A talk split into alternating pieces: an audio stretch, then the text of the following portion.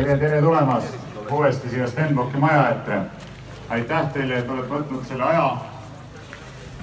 ei kiru kodus ainult Facebookis, vaid oleme valmis need mõned tunnid ja seisma taas siin Stenbocki maja ees, et öelda valitsusele üheskoos, et need absoluutselt mõistusevastaseks muutunud ja tegelikult pidevalt mõistusevastased olnud piirangud on viimane aeg lõpetada. ammu on tegelikult viimane aeg need piirangud lõpetada.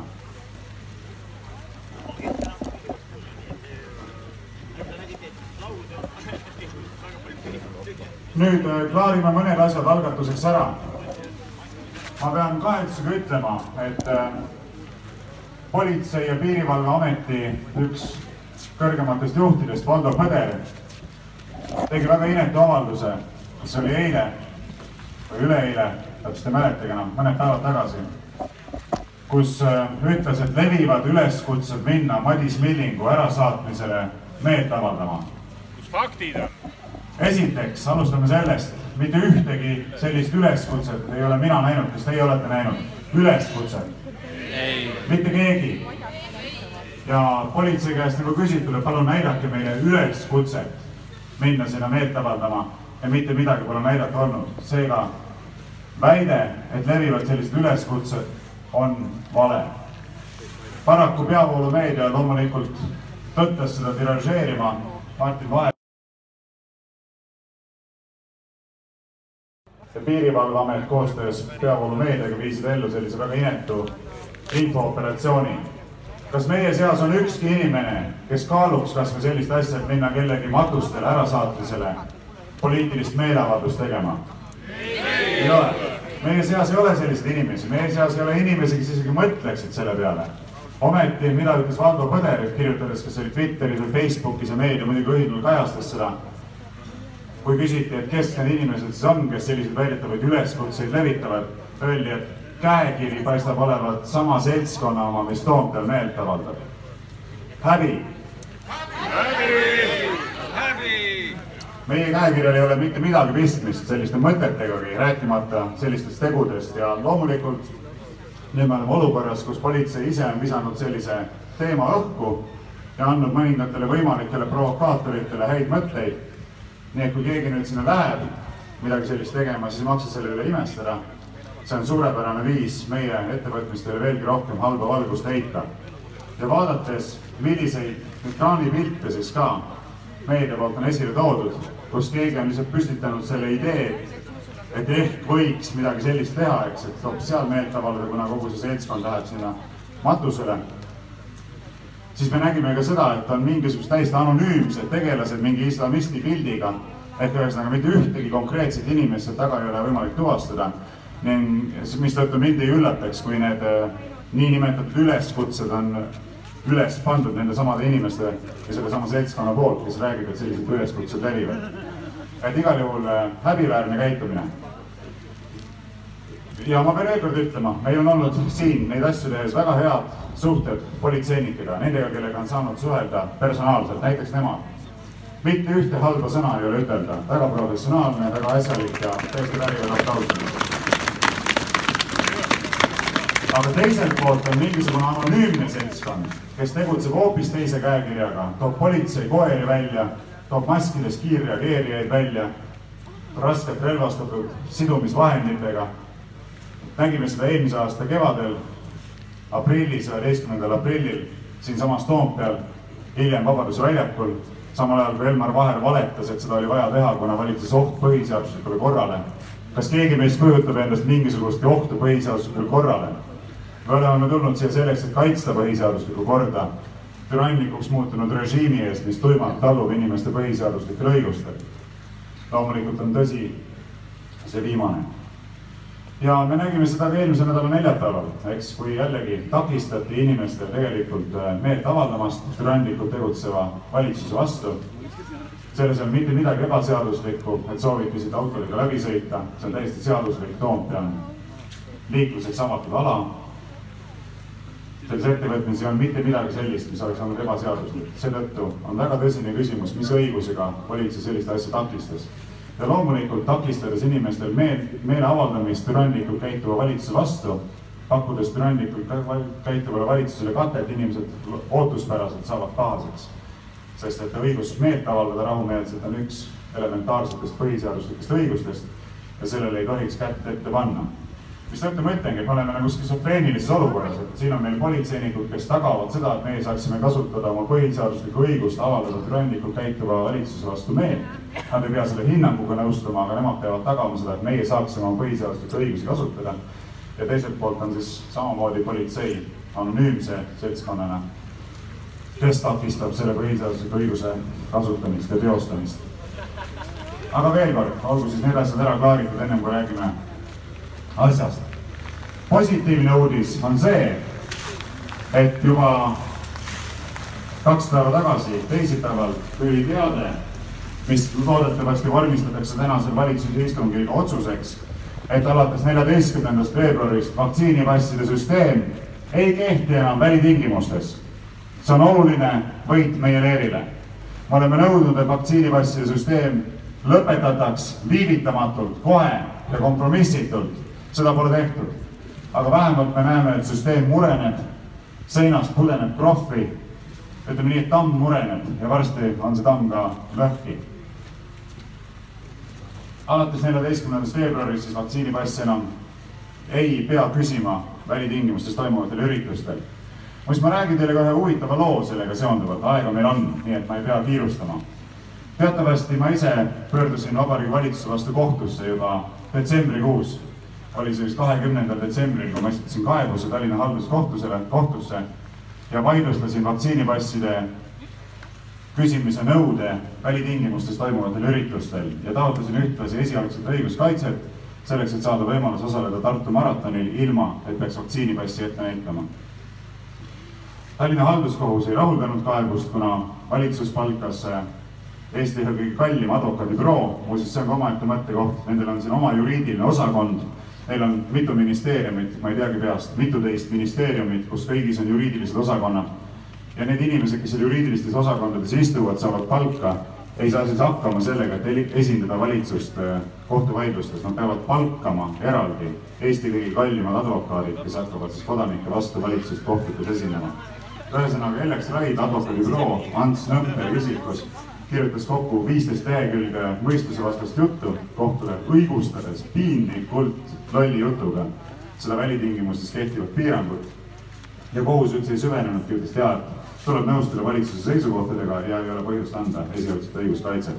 nii, ma vaidlustasin selle kohtumääruse siis äh, Tallinna Ringkonnakohtus kirjutasin, ei hakanud nii põhjalikuks minema, nagu Raidla büroo seda teeb, sest niikuinii sellest midagi ei sõltu, kui põhjalikuks ma lähen, aga tõin lihtsalt välja kõik mõistuspärased argumendid, näidates ära, et see on jabur. see on lihtsalt jabur. Terviseametil puudub informatsioon ühegi avalikus õhus toimunud sündmuse kohta, mis oleks kujunenud märkimisväärseks koroonaviiruse nakkuse koldeks. ühe ainsagi sellise juhtumi kohta neil ei ole informatsiooni, null. seda nad tunnistasid juba kevadel, kui me kohtus käisime nendega äh, valitsuse vastu teises küsimuses ka, ka koroonapiirangutega seonduvalt. toona oli meie poolt vaidlustatud piiranguks see, et ei tohtinud meeleavaldusi pidada normaalselt.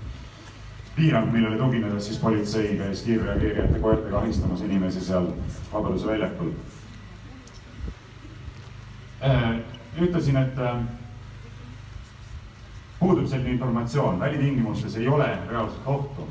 rääkimata sellest, et vaktsiinipassid teatavasti ei toimi nakkusohutustõendina haigestuvad või nakatuvad, ütleme nii, eh, nii vaktsineeritud isikud, süstitud isikud kui ka mittesüstitud isikud, kusjuures viiruse läbi põdenud inimeste nakatumise tõenäosus on väiksem kui süstitutel. ometi näiteks Tartu maratonile sa võid minna kasvõi täiesti haigena, näidates ette oma selle vaktsiinipassi. kui sa oled läbi põdenud rohkem kui kuus kuud tagasi, siis sind sina ei lasta, rääkimata teistest inimestest. mõistusevastane ja, ja haiglasse sattumise tõenäosus on ka põhimõtteliselt olematu, eriti, eks, minu vanusegrupis inimestel ja tegelikult kõigil, kõigis vanusegrupis olevatel inimestel, kõige vanematel on ta natukene suurem kui noorematel, aga seal ta on ka üli-üliväike, kui te vaatate, milline on protsent nendest inimestest, kes nakatuvad, võrreldes siis nendega, kes, milline on siis äh, haiglasse sattunud inimeste protsent nendest inimestest, kes on nakatunud, rääkimata kogu populatsioonist nii et ühesõnaga pole ühtegi mõistuspärast argumenti. nüüd valitsus jällegi Raidla büroo abiga kuhjab kokku vist üksteist, kaksteist lehekülge, no nii lolli juttu, et piinlik on lugeda lihtsalt, üks argument on lollim kui teine ja põhjendavad see pikalt ja põhjalikult, ei, et see on hädavajalik, et ikka mitte mingil juhul ei tohi ei Vooglaiule ega kellelegi teisele teha mitte mingit erandit, et praegune epidemioloogiline olukord on keeruline ja ja me ei tea, mis suunas need asjad liiguvad ja see ei ole sugugi nii ohutu viirus, kui räägitakse pikk, pikk loll jutt, noh. nii, see oli eelmise nädala neljapäeval. Nüüd reedel oleks pidanud tegema kohus, ringkonnakohus andma määruse, võtma seisukoha, kas antakse mulle esialgne õiguskaitse et saaks võimaluse osaleda Tartu maratonil või mitte. määrust ei tehtud, ma ütlesin, mis seal ikka, äkki tehakse esmaspäeval. esmaspäeval ka ei tehtud. ja mis teade tuli teisipäeval?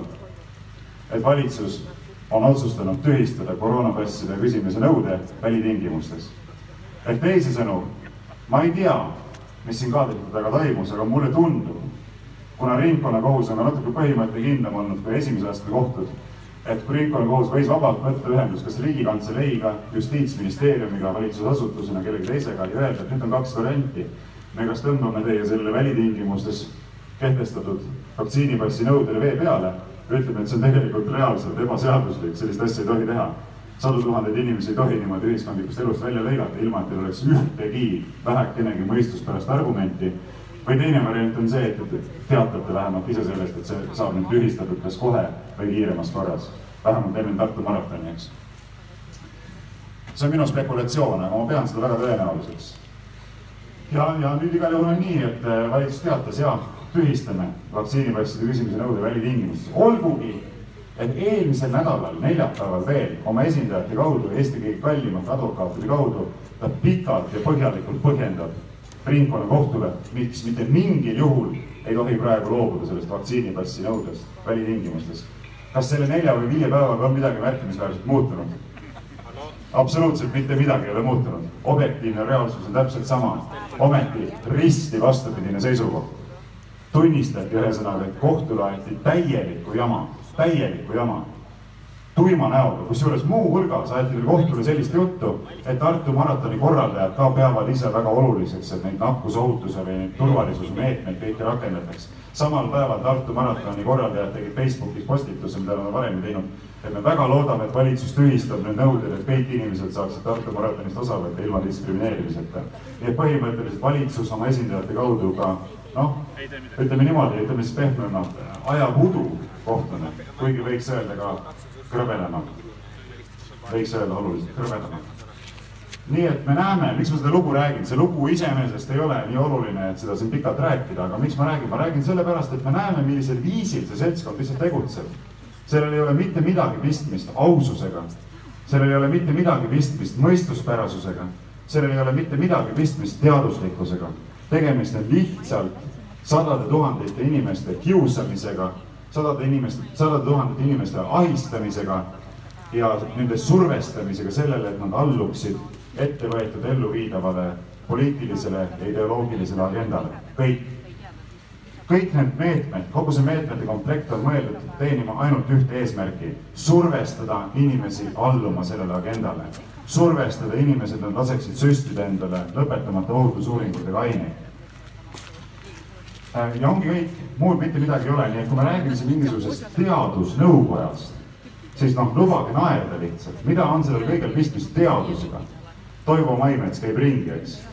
ütleb, et loomulikult need vaktsiinid ei toimi sellepärast, et need on ju töötatud välja hoopis teistsuguse viiruse vastu, mis enam ei levigi, eks.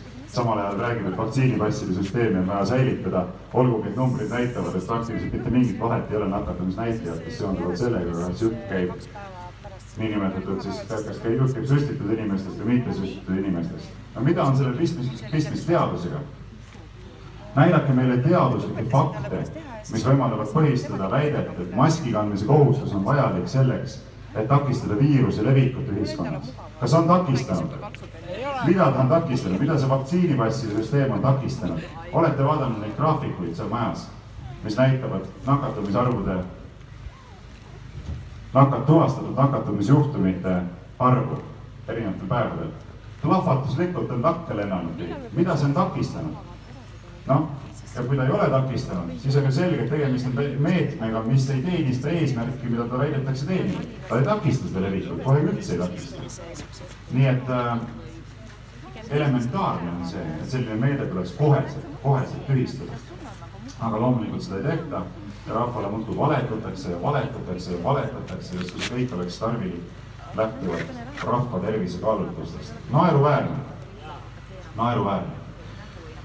muuseas, Telegram vahendas mõne päeva eest väga head videot sellest, kuidas oli see vist El Salvador või oli El Salvador, parandage mind, kui ma eksin, kus viidi ellu suur riiklik kampaania, mis kutsus inimesi üles hoolitsema oma tervise eest. Sellepärast, et mida tervemad on inimesed, mida aktiivsemad nad on, mida rohkem nad liigutavad ennast, mida vähem nad on ülekaalulised, mida rohkem nad toituvad tervislikult, seda väiksem on tõenäosus, et nad põevad ükskõik millist haigust raskelt. muuseas, seda väiksem on tõenäosus, et nad haigestuvad vähki, seda väiksem on tõenäosus, et nad äh, saavad infarkti seda väiksem on tõenäosus, et nad saavad insuldi, seda väiksem on tõenäosus, et nad satuvad ka haiglasse erinevate viiruslike haigustega, sealhulgas koroonaviirusega. Nii, elementaarne, elementaarne, absoluutselt tervemõistuslik lähenemine, elementaarne. kas meie valitsus on kogu selle koroonapandeemia jooksul kordagi ühtegi sellist kampaaniat ellu viinud? null, puhas null, mitte ühtegi, mitte midagi kas on viidud ellu ükski kampaania, kus on kutsutud inimesi üles regulaarselt panustama C ja D vitamiini ja tsinki? on? ei, puhas null. puhas ümmargune null. Ja siis nad tulevad rääkima meile sellest, et nemad hoolitsevad meie tervise eest, nemad hoolitsevad rahva tervise eest. vastupidi, nad on tegelikult tegelenud sellega, et kahjustada inimeste tervist.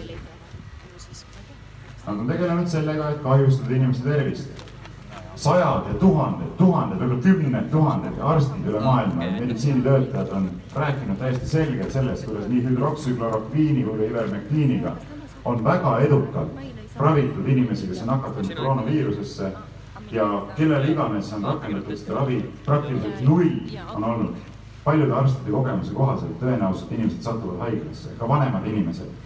mida meie valitsus on teinud, on aktiivselt takistanud seda et inimesed saaksid ligipääsu nendele ravimitele. ivermektiin levib väga-väga paljude inimeste seas juba pikka aega, aga Eestist osta pole seda saanud. Sellepärast, et valitsus on aktiivselt takistanud seda, pole võimaldanud seda teha. ja siis samal ajal halatakse oi-oi-oi, et meil on haiglad ülekoormus, inimesed satuvad haiglasse. sellepärast me peame hakkama suruma teile näkku neid maske, me peame hakkama suruma teile peale lõpetamata ohutusuuringutega ainete süstimist mis on täiesti ebatõhusad ja ebavajalikud. me peame panema lukku ühiskondi, tegema kõikvõimalikke neid asju, laste haridust rappima, hirmuõhkkonda külvama, meedia kaudu päevast päeva, kõike seda tegema, sellepärast et meil on meditsiinisüsteem muidu ohus. haiglasse satub liiga palju inimesi. no kuule, mida te tahate siis? loomulikult inimesed satuvad haiglasse, kui te esiteks üleüldse ei anna neile informatsiooni, kuidas oma immuunsüsteemi parandada, tugevdada, olla paremini valmis selleks haigestumiseks, et mitte haigust raskelt põdeda. ja siis, kui inimesed on haigestunud, siis te aktiivselt takistate seda, et neil oleks ligipääs reaalselt toimivatele ravimitele. Noh, minule jääb mulje, et probleemiks on mitte see, et teie pingutustest hoolimata inimesed satuvad haiglasse, vaid probleemiks on see, et teie tegevuse tõttu inimesed satuvadki haiglasse nii et tõde on justkui nagu jällegi pea peale pööratud, äh, nagu me väga tihti oleme kogu selle asja käigus näinud. nii et noh, üks vale ajab teist taga, ei tea, kust alustada ja kust lõpetada. nüüd headest uudistest rääkides veel, meil õnnestus saavutada jällegi Tallinna, ei, Tartu ringkonna kohtu kaudu see tulemus, et esimene, esimest korda ükski kohus otsustas, et vaktsiinisunni tõttu ei tohi vallandada politseinikke. teate sellest juhtumist, Kersti Nüüdi juhtum. et aplaus Tartu ringkonnakohtule.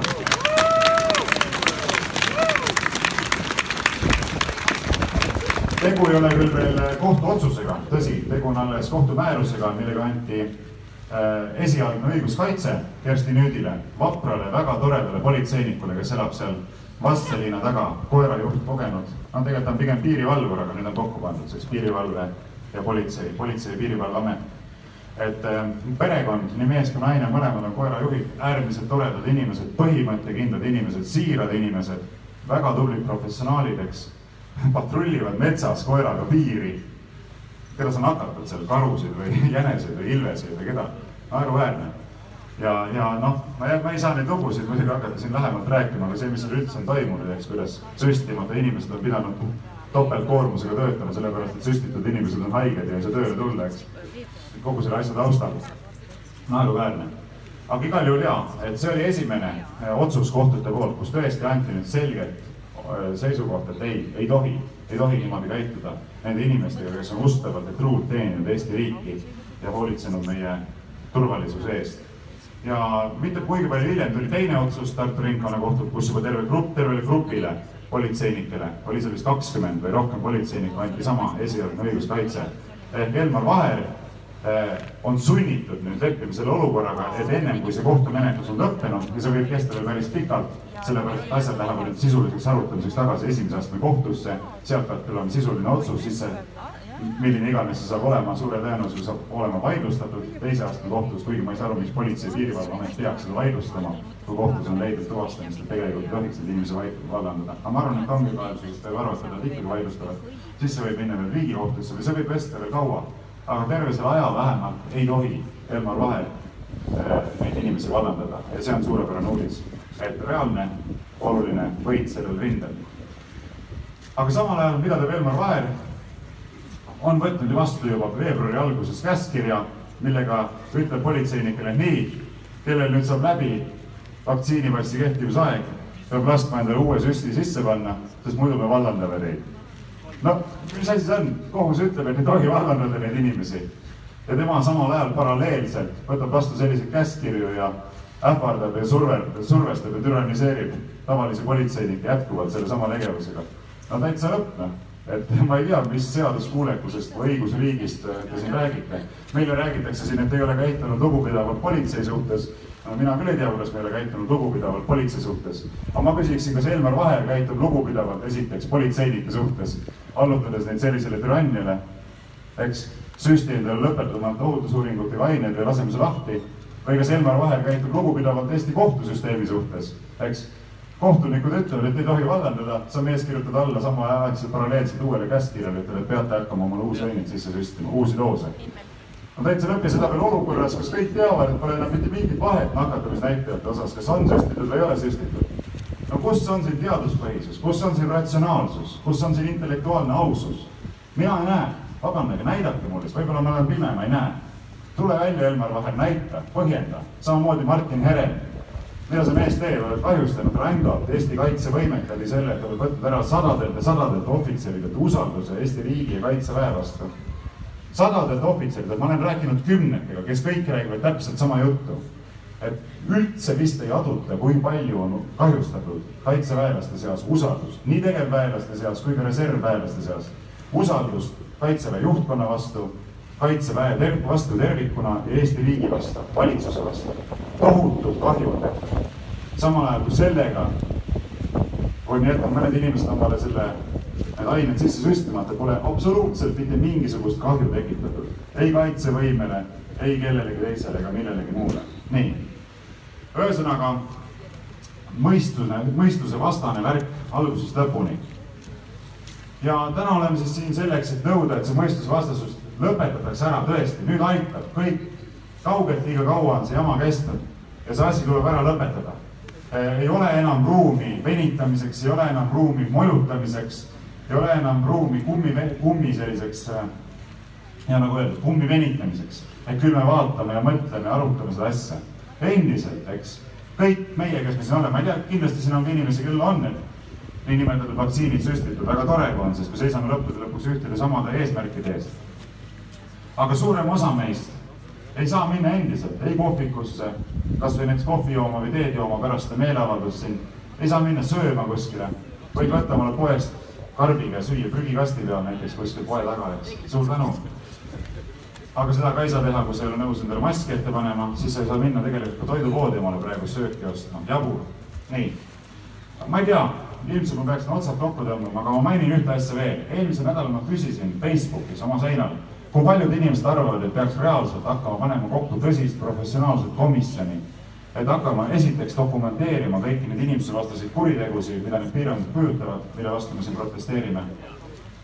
ja teiseks äh, äh, hakkama valmistama ette ka konkreetsete inimeste suhtes toimikuid, mille alusel pidada nende üle kohut siis, kui on toimunud võimuvahetus. ma väga loodan, et see võimuvahetus tuleb. see võimuvahetus peab tulema muidugi ka jõustruktuurides, peab tulema ka prokuratuuris, sellepärast et miski pole takistanud prokuratuuril juba praegu alustamast kriminaalmenetlusi nende inimeste suhtes, kes neid inimsevastaseid kuritegusid toime panevad. aga vähemalt kogu asi detailselt ära dokumenteerida, mida on tehtud, millises olukorras on tehtud, kes on teinud, kes on mingisugused korraldused andnud, kes on neid ellu viinud ja, ja siis näidata ka ära, et need on olnud täiesti põhjendamatud, see on suur-suur töö. See on suur töö faktidega, see on suur töö uuringutega, sinna on vaja kaasata juriste, sinna on vaja kaasata andmeanalüütikuid äh,, inimesi, kes koondavad informatsiooni, töötavad statistikaga äh,. aga mulle tundub, et see töö on vajalik ette võtta, kuna tohutu kogus inimesi avaldas sellele toetust. lihtne Facebooki postitus ma isegi unustasin vaadata, palju sinna kokkuvõttes on inimesi, kui palju neid inimesi oli, kes on pannud sinna like'e ja kes on jaganud seda postitust, kusjuures ma ei küsinud selle kohta, kas see on õige vajalik asi. Ma küsisin selle kohta, kes oleks valmis seda toetama.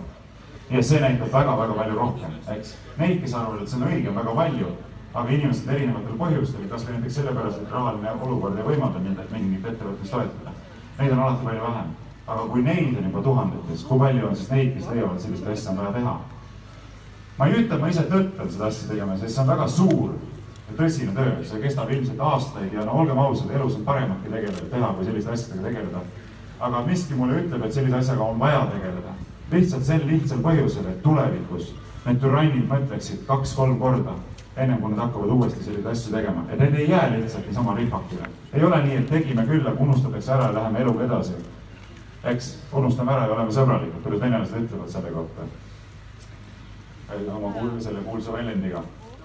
Et ei saa need asjad nii käia ja mulle tundub, et selle asjaga peab hakkama tegelema. ma ei anna siin veel mingisuguseid selgeid lubadusi. ma kindlasti ei tee seda, isegi kui ma hakkan seda tegema koos teistega, eh, mingisugust omakasupüüdlusest lähtuvalt. vastupidi, pigem ma teen seda tunnetatud kohusetundest, mitte sellest, et ma väga tahaksin seda teha aga, aga mulle tundub, et selle asjaga tuleb edasi minna reaalselt ja, ja mida kauem see seltskond selliste asjadega venitab, sest iga päevaga, mis need piirangud kehtivad edasi, on kuriteod üha rängemad, sellepärast et üha vähem on mingisugustki õigustust nende säilitamiseks. seda selgem on, et selle projektiga tuleb edasi liikuda. igal juhul veel kord äh, tuhat tänu teile kõigile, et olete järjekordselt siia tulnud, me ei lähe siit ära ennem, kui need piirangud on tühistatud, fakt. nõuame seda, et valitsus austaks põhiseadust, austaks meie põhiseaduslikke õigusi ja, ja lõpetuseks lihtsalt kordan veel kord, et see, mida politsei kõrge esindaja Valdo Põder tegi selle infooperatsiooni elluviimise kaudu, oli sügavalt häbiväärne. ärge sellist asja tehke, Valdo Põder. näidake üles lugupidamist meie vastu, täpselt nii, nagu meie oleme näidanud üles lugupidamist politseinike vastu, kes siin on olnud. mitte ükski mõistlik inimene ei lähe ei Madis Millingu ega kellegi teise matustele, tema ärasaatmisele poliitilist meeleavaldust korraldama. seda võivad teha üksnes pahatahtlikud provokaatorid ja kes iganes seda ka teeb, võib-olla just nimelt Politsei- ja Piirivalveameti juhtide infooperatsioonist innustust saanuna. sellel ei ole meiega absoluutselt mitte kõige vähematki pistmist. aitäh teile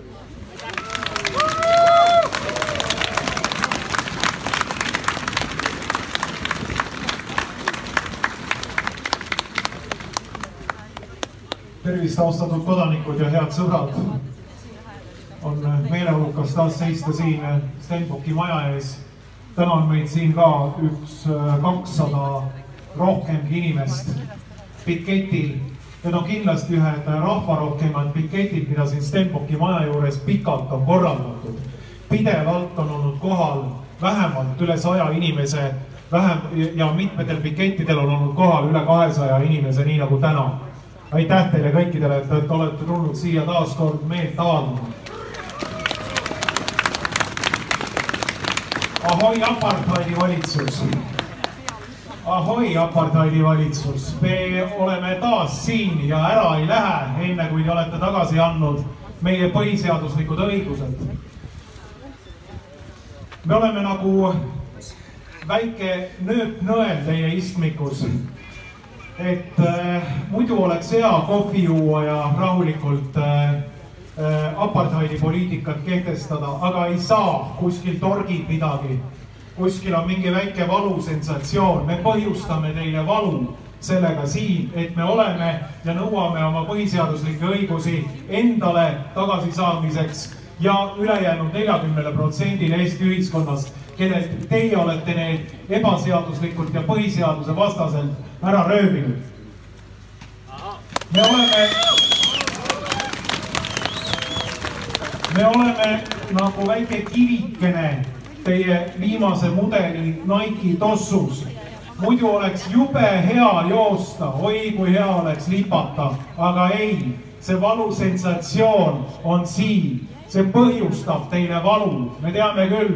Ja me oleme siin selleks, et põhjustada teile seda tervistavat valu, et äh, kodanikud on siin nõudmaks oma põhiseaduslikke õigusi tagasi muidu oleks teil hea olla ja lipata, aga te ei saa. me oleme siin iga neljapäeval ja ära ei lähe.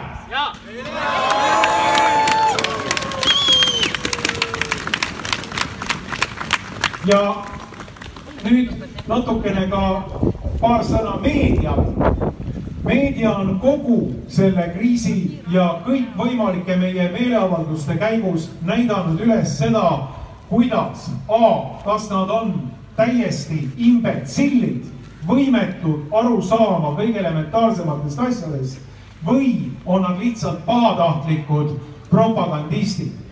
nii, see on kaks võimalust, muid võimalusi siin ei ole.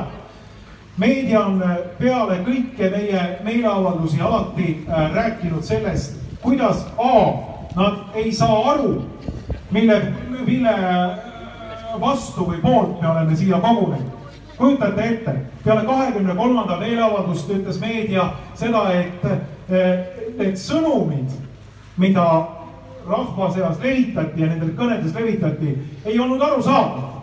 tohu tont, peale meie viima-, eelmise neljapäeva meeleavaldust täpselt samuti meedia ja mitmed muud sofistid sotsiaalmeedias ütlesid, et sõnumid ei olnud piisavalt täpselt edasi antud. no ütleme siis nüüd selle uuesti välja, kulla inimesed, mille pärast me oleme siia tulnud. kui keegi on siin kohal meedias, siis palun võtke oma märkmik välja, kui te muud moodi ei saa ja kirjutage see üks lause sinna maha. Me oleme siin selleks, et öelda valitsusele kõik ebaseaduslikud kor koroonapiirangud kohe praegu maha, saite aru?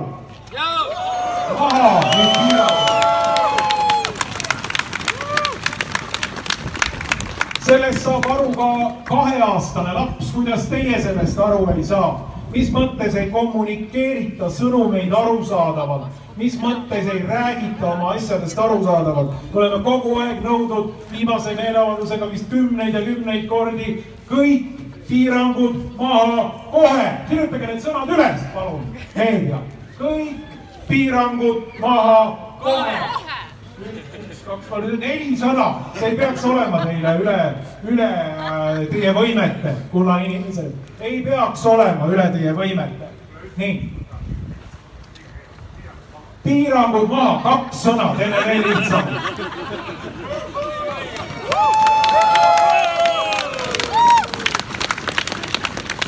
ja kui nüüd tuleb veel keegi peale seda ütlema, et vaata ei saanud aru, mille, milles see meeleavaldus oli. võtab sellise semiootiku näo pähe ja ütleb, no vot ei tea. et äh, siis, siis on asi jama.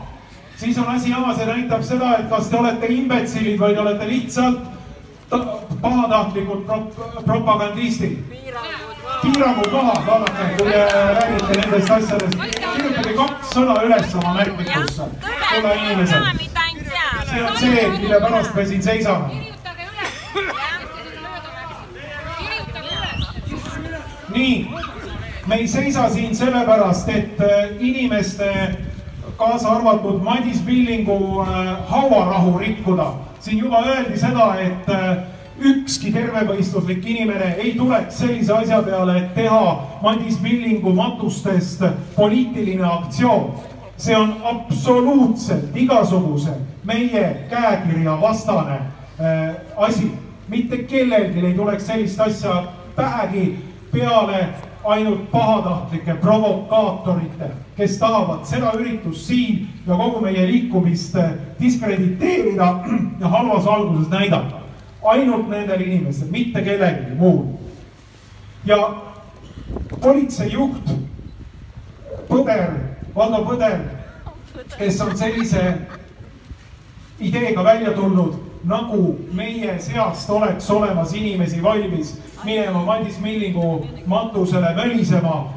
Need, see on lihtsalt täielik vale, see on lihtsalt täielik vale ja nüüd on Objektiivis ka artikkel sellest, kuidas tegelikult politsei kõrge juht Põder tsiteeris valikuliselt postitust ta võttis selle kontekstist välja, täiesti anonüümse postituse, võttis selle kontekstist välja ja inkrimineeris meie liikumisele ja meie kodanikualgatusele siin. niimoodi käituvad pahatahtlikud inimesed, mitte need, kes ajavad taga tõde. niimoodi käituvad need inimesed, kes teostavad mingisuguseid meedia äh,, äh, meediaoperatsioone kes teostavad süstemaatiliselt seda, et inkrimineerida seda liikumist mingisuguste totrate asjadega. me ei lase ennast sellest loomulikult heidutada. me ei lase ennast loomulikult sellest äh, äh, rivist välja viia, pea tuleb külm pidada, tuleb üles näidata rahulikku militaarset determineeritust. pea külmaks, me ei lase ennast sellest absoluutselt kõigutada. me oleme siin väärikate kodanikena nõudmas esiteks kõikide piirangute mahavõtmist kohe nüüd. me oleme seda teinud mitmeid kordi siin, täna on vist juba kuues või seitsmes kord, kui me oleme siin valitsuse maja ees teile pisikest tervistavat valu tekitamas ja eh, me oleme siin väärikate kodanikena. valitsus ei saa selliseid meeleavaldusi kuidagi tähelepanuta jätta. me teame küll, ma olen korduvalt seda öelnud siin Stenbocki maja ees, et samal ajal, kui te seda kohvi ja küpsist võtate, siis üks lonks jääb teile küll kinni. üks lonks jääb teile kurku kinni, jääb küll, me teame seda. nii, aitäh teile, head sõbrad, et te olete tulnud siia taas meelt avaldama väga äh, rahvarohkelt muuseas, siit ülevalt on hea, hea vaade et suur tänu, me seisame oma õiguste eest, ära ei lähe, enne kui valitsus kõik piirangud lõpetab. kõik piirangud kohe nüüd, aitäh.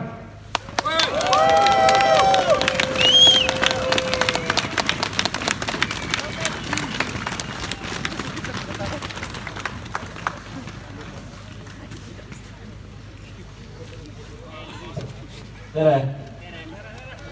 meeleavalduskultuur elab äge värk, äh, ma mõtlesin just, et peaks olema kultuurkapital võiks toetada seda asja tegelikult. sellepärast, et äh, ma olen seda varem ka paar korda öelnud, aga me oleme taaselustanud Eestis meeleavalduskultuuri ja, ja Kultuurkapital võiks täitsa luua sellise toetusmeetme, äh, mille, kus oleks siis kriteeriumid sätitud järgnevalt, et, et toetust saavad ainult need meeleavaldused ja meeleavaldajad, kes tuginevad Äh, põhi, põhiseadusliku korra äh, kaitsmist äh, üles kutsuvatele nii-öelda sloganitele ja kes toovad kohale seda tüüpi, just seda tüüpi plakatid ja põhimõtteliselt teostavad siis ju järelevalvet nende samade korrumpeerunud ja, ja autoritaarsete valitsejate üle.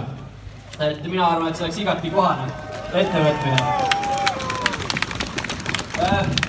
Varro siin mainis hästi korraks seda El Salvadori asja, et see on hea näide ühiskonnast kus ammu-ammu äh, aega kodanikele juba anti sellised tervisepakid näiteks, kus sees olid siis C-vitamiin ja tsink ja magneesium ja ühesõnaga rõhutakse siis, kutsutakse inimesi üles järgima tervislikku eluviisi ja stiili ja üritatakse enne kasutada igasuguseid vähem kahjustavaid äh, lähenemisi nii-öelda siis ennem kui võtta kasutusele sama mürgisüst, sest just seesama see, see, see, see nii-öelda vaktsiin on kusjuures rõhutama seda, et äh, ettevõtjatele tahaksin öelda seda, et äh, mul tänaseks päevaks on nagu natukene naljakas vaadata, et äh, ma käin päris paljudes kohtades söömas-joomas ja äh, paljud teenindajad ja omanikud löövad juba nii-öelda pilgu maha, et noh, tuntakse ära või nii, et hea küll, et, et söö, noh, et siin vabaduse võitlejat ikka kostitame, eks ole, aga justkui seisukohta ei julgeta võtta. Et teeme teeks siis niimoodi. Nonii, tervitused. vaata, rahvas on seal. Läheme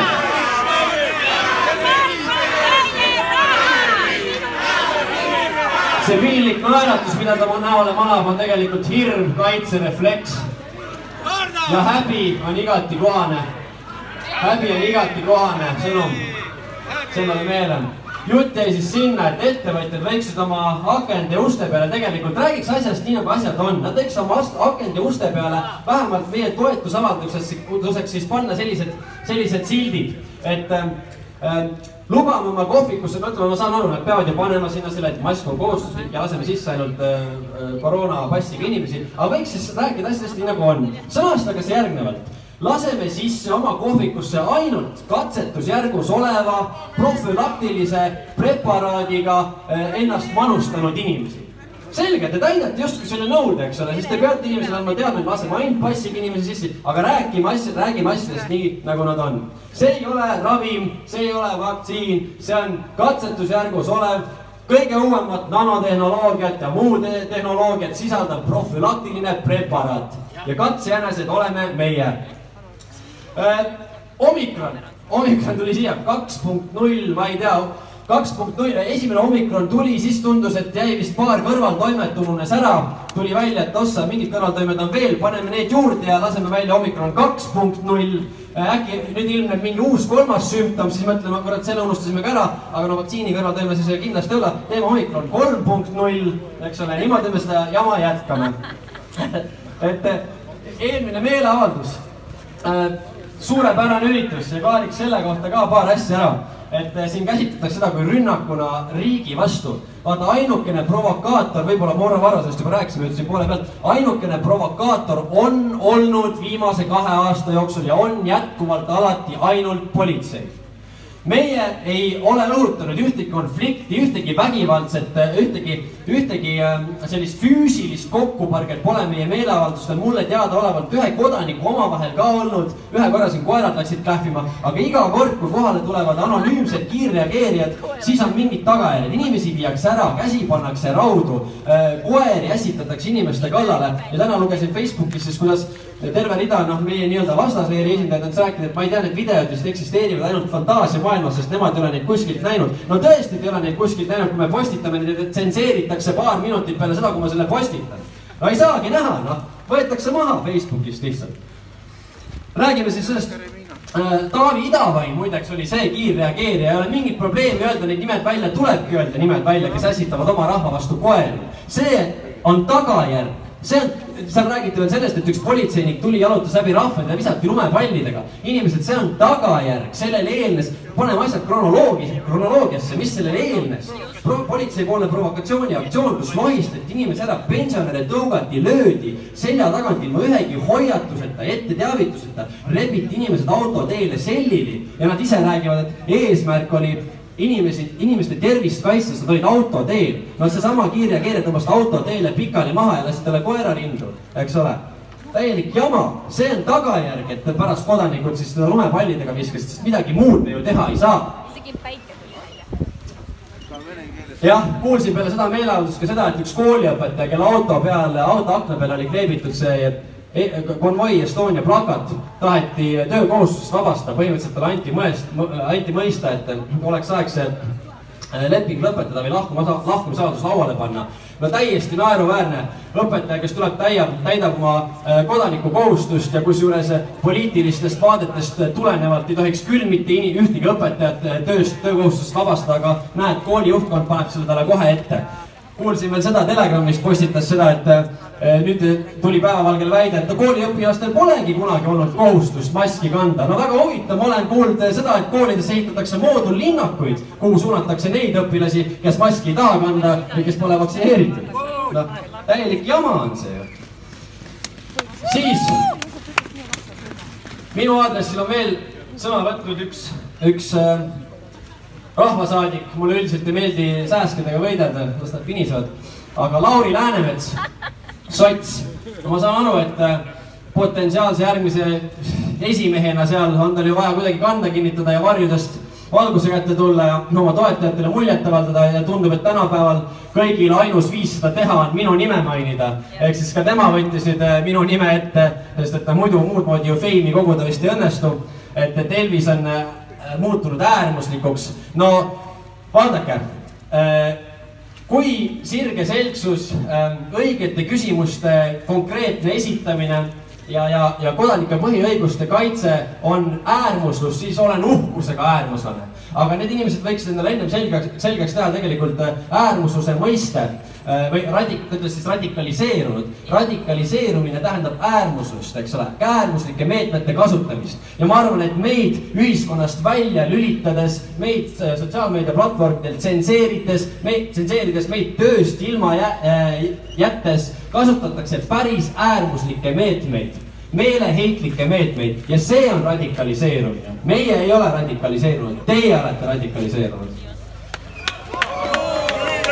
Asi, mille eest ma sellele punasele punktid annan, on see, et tema oli üks vähestest rahvasaadikutest, kes kevadistel meeleavaldustel tuli välja rahvaga dialoogi pidama äh,. erinevalt siis teistest, kes sõitsid lihtsalt rahvale otsa.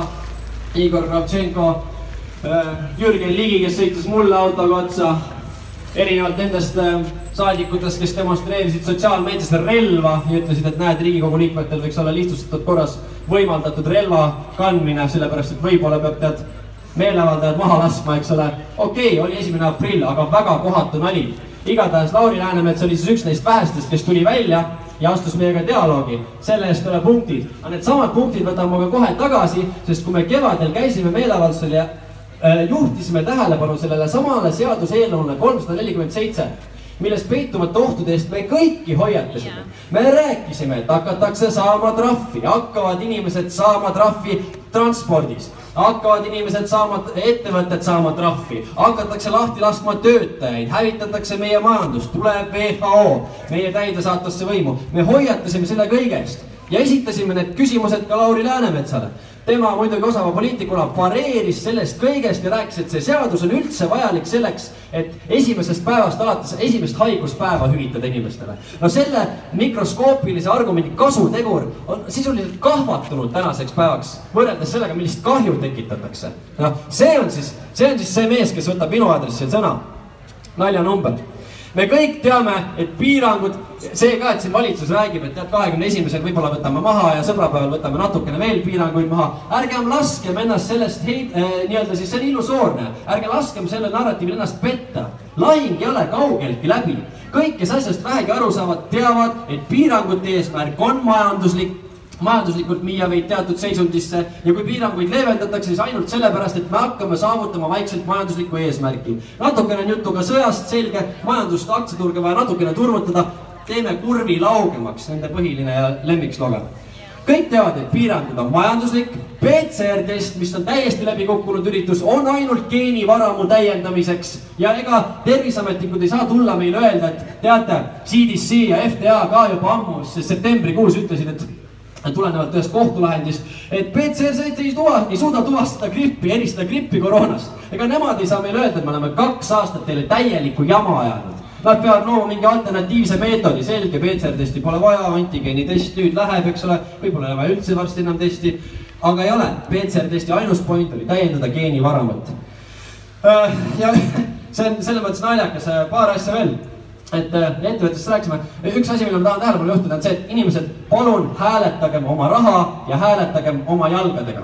me ei saa viia oma raha nendele ettevõtjatele, kes on meid siin viimase kahe aasta jooksul äh, survestanud äh,, vähendanud, taandanud teise klassi kodanikeks. hääletagem oma jala, jalgadega ja oma rahaga. ainult niimoodi saame meie kasvada seest välja, võimendada oma jõuõlga ja jätta nemad ilma äh, nendest võimalustest, mis neil praegu on, ettevõtjad, kui, kui kodanikud ja töötajad seisaksid ettevõtjatele vastu, siis peaksid ettevõtjad avaldama omapoolset survet valitsejatele, terviseametnikele. niimoodi me võidame ja meie kohustus ongi teostada järelevalvet nende samade asjade üle. poliitika on esimest korda ajaloos vähemalt minu jaoks põnev. meil on tuhandeid inimesi, kes räägivad Riigikogu istungeid. see ongi kodaniku vastutus ja kohustus tegelikult. et äh, jah, mis ma tahan lõpetusega ei ole midagi muud, et ma tahan lihtsalt öelda, et kõik, kõik nende inimeste, Varro siin ja Markus mõisid ka, me ei unusta ära neid tegelasi, me ei unusta ära neid nimesid, me ei unusta kedagi, kes on meie vastu pööranud, me ei unusta neid terviseametnikke. ma lekitasin siin sotsiaalmeediasse ka selle perearstide tabloo nimekirja sellest, kuidas nad saavad sisuliselt äh, siis võitlevad seal edetabelis ja, ja kriteeriumid neile ette, kindlasti ette antud, mida mul kahjuks ei ole, aga põhimõtteliselt siis äh, preemiaid ja, ja tasusid makstakse selle pealt, kui edukalt sinul on õnnestunud oma äh, perearsti nimistus olevad äh, kliendid siis vaktsineerida. kõik need inimesed ühel päeval võetakse vastutus, me ei unusta neid asju ära. mitte ühtegi politseiametnikku, kiirreageerijat, valitsejat ei unusta ära. Need tulevad kõik teie räpased saladused tulevad päevavalgele, sellepärast et samamoodi nagu kurjuse jõud ei puhka, ka headuse jõud ei puhka. aitäh, meie kord.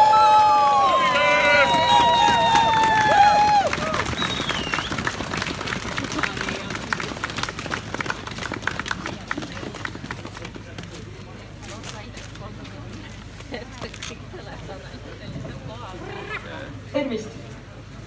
tahaksin natukene kommenteerida Varro kõnet, et äh, ta rääkis sellest äh, õues suusatamisest. ma just äh, eile kirjutasin Nõmme spordikeskusele, see on siis seal Trummi metsas ja küsisin, et kas saab tulla teie juurde suusatama, kas saab suuski lainutada. Nad ütlesid, et kuna suusa lainutamine toimub siseruumides, siis ilma Covid passita seda teha ei saa. siis mõtlen, et äh, mis loogika alusel see käib, ma võin käia poes. Ma võin äh, käia ka kohvikus, kui ma ostan sealt kaasa, onju. et äh, ma ei või minna kinno või mängutuppa või kuskile sellisesse kohta, et kas nad arvavad, et ma lainutan seal suusad ja siis seal siseruumis panen nagu ringi ratassuuskadega või mis alusel ma ei või lainutada suuski ja minna õue suusatama? ah, täiesti ajuvaba. ja teine asi nendest politseinikest, et äh, meil on siin käinud äh, väike kirjavahetus PPA-ga teatavasti umbes kuuskümmend politseinikku siis on läinud kohtusse seoses sellega, et nad ei soovinud vaktsineerida. aga tegelikult viimase kahe aasta jooksul on PPA teenistujate arv vähenenud neljasaja inimese võrra. see on noh, tohutult suur arv meie väikese riigi kohta. Et ikkagi suur osa inimesi on neid, kes lihtsalt erinevatel põhjustel ei taha minna kohtusse. Nad kas ei taha raha, raisata selle peale oma raha, nad ei taha raisata oma närve või mis iganes ma pakun, et teistes ametites on olnud sama, et me tegelikult ei tea, kui palju on neid inimesi, kes selle tõttu, et nad ei taha vaktsineerida, on loobunud oma tööst.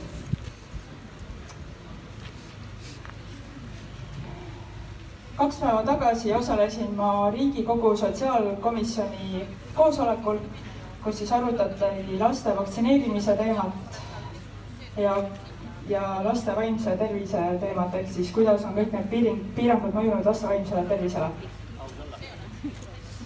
sealt tuli muuhulgas jah ka välja see, et äh, haridusministeeriumi kriisijuht ütles, et äh, koolilastel ei olegi tegelikult maskid kunagi olnud kohustuslikud.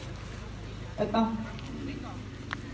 ma ei, ma ei tea, ma arvan, et me teame kõik äh, lapsi, keda on terroriseeritud sellepärast koolis, et et nad ei saa maski kanda. ja teine asi, mis mind, mis mind ausalt öeldes lõi pohviks, oli see, kui Sotsiaalministeeriumi esindaja ütles, et kogu selle kahe aasta jooksul nad ei ole korraldanud mitte ühtegi uuringut ega küsitlust, et kuidas on need meetmed mõjunud alla viieteistaastastele lastele. nagu mitte ühtegi. ja nüüd me, kui me mõtleme seda, et lasteaialastel ei ole lubatud rühma kaasa võtta isegi oma kaisukaru. Nad peavad oma vanematega jätma hüvasti õues.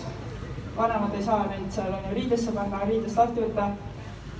ja väga paljud lasteaiakasvatajad kannavad maski, ehk siis äh, väikesed lapsed veedavad su suurema osa oma päevast täiskasvanutega, kelle nägu nad ei näe, nad ei näe miimikat, nad ei näe tundeid. Äh, ja, ja kõik need muud pinged on ju, mida kogu see koroona asi on tekitanud Äh, järjekordselt Eestis ma ei tea, et oleks tehtud niisugust uuringut. Soomes äh, politseiamet avaldas umbes kuu või kaks tagasi siis uuringut, kuidas koroona ajal on äh, laste seksuaalne ärakasutamine tõusnud üle seitsmekümne protsendi kodudes, üle seitsmekümne protsendi. see tähendab seda, et väärastunud, mm, väärastunud psüühikaga vanemad on oma koroona stressi välja elanud laste peal. ma ei taha teada, mis see protsent on Eestis, ma väga tahaks loota, et see on väiksem, aga arvestades äh, meie valitsuse suhtumist, mis on palju-palju kordades nagu äh, karmim kui Soomes, siis noh, ma ei imestaks, kui see protsent oleks vähemalt sama. ühesõnaga, mis, mis see minu jutu point on? ma olen seda öelnud juba mingi, mulle tundub reaalselt tuhat korda, aga kuna lapsed ei ole üldse koroonaviiruse riskigrupp, siis on täiesti kriminaalne nende elusid mit-, üldse nagu mingil viisil lasta sellest mõjutada, et see on täiesti, täiesti lubamatu. olete nõus? aitäh! aitäh sulle!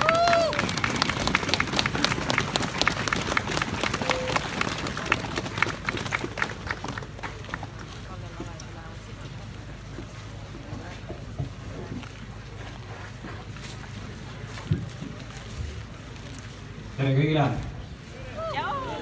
ma loen teile ette avalduse, mille tegi äh, üks grupp advokaate koos kohtunikuga.